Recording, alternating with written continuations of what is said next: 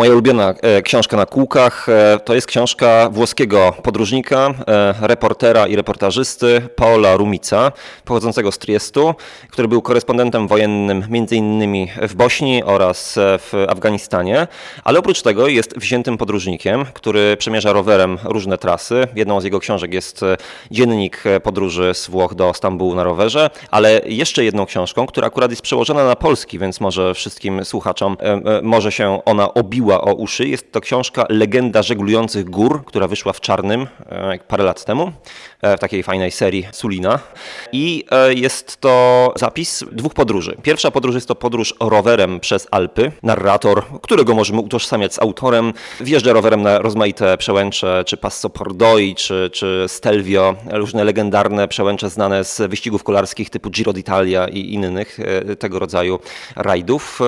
Druga część książki to jest na czterech kółkach, ale mm, takich małych, niewielkich, więc właściwie można się to, może się to równać dwom, e, dwóm kółkom większym. To jest zapis e, znowu podróży przez Apeniny, malutkim Fiatem Topolino sprzed pół wieku mniej więcej, e, ale również jakimiś lokalnymi pociągami, też rowerem na piechotę. Oba te, no jednak sporej objętości reportaże są fantastyczne, ponieważ one gromadzą to, co lubię w takiej literaturze. Po pierwsze, literacko są ciekawe, interesujące, niebanalne, nie są takim e, językiem neutralnym, zupełnie e, obiektywnym pisane. Przeciwnie, jest tutaj sporo różnych e, zakrętasów, e, czy stylistycznych, czy rozmaitych e, gmerań w rejestrach językowych. To, to mi się całkiem podoba. Z drugiej strony są pisane z takim zacięciem cyklistycznym, to znaczy człowiek wie, o czym pisze, mówiąc o rowerze, zastanawiając się nad rozmaitymi ustawieniami geometrii roweru, mówiąc o, o, o przeskakujących dziwnie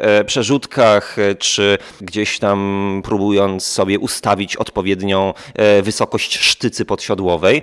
A z trzeciej strony jest to po prostu bardzo ciekawe tak etnograficznie, krajoznawczo. To jest rzecz niewiarygodna, ponieważ e, poznajemy wiele dziwacznych postaci gdzieś tam e, w e, środku gór żyjących, pustelników, eremitów, współczesnych partyzantów, którzy ukrywają się przed cywilizacją. Poznajemy jakieś dziwne agroturystyki rozrzucone w, na, na prowincji. W ogóle poznajemy taką włoską prowincję, której normalnie byśmy raczej nie poznali.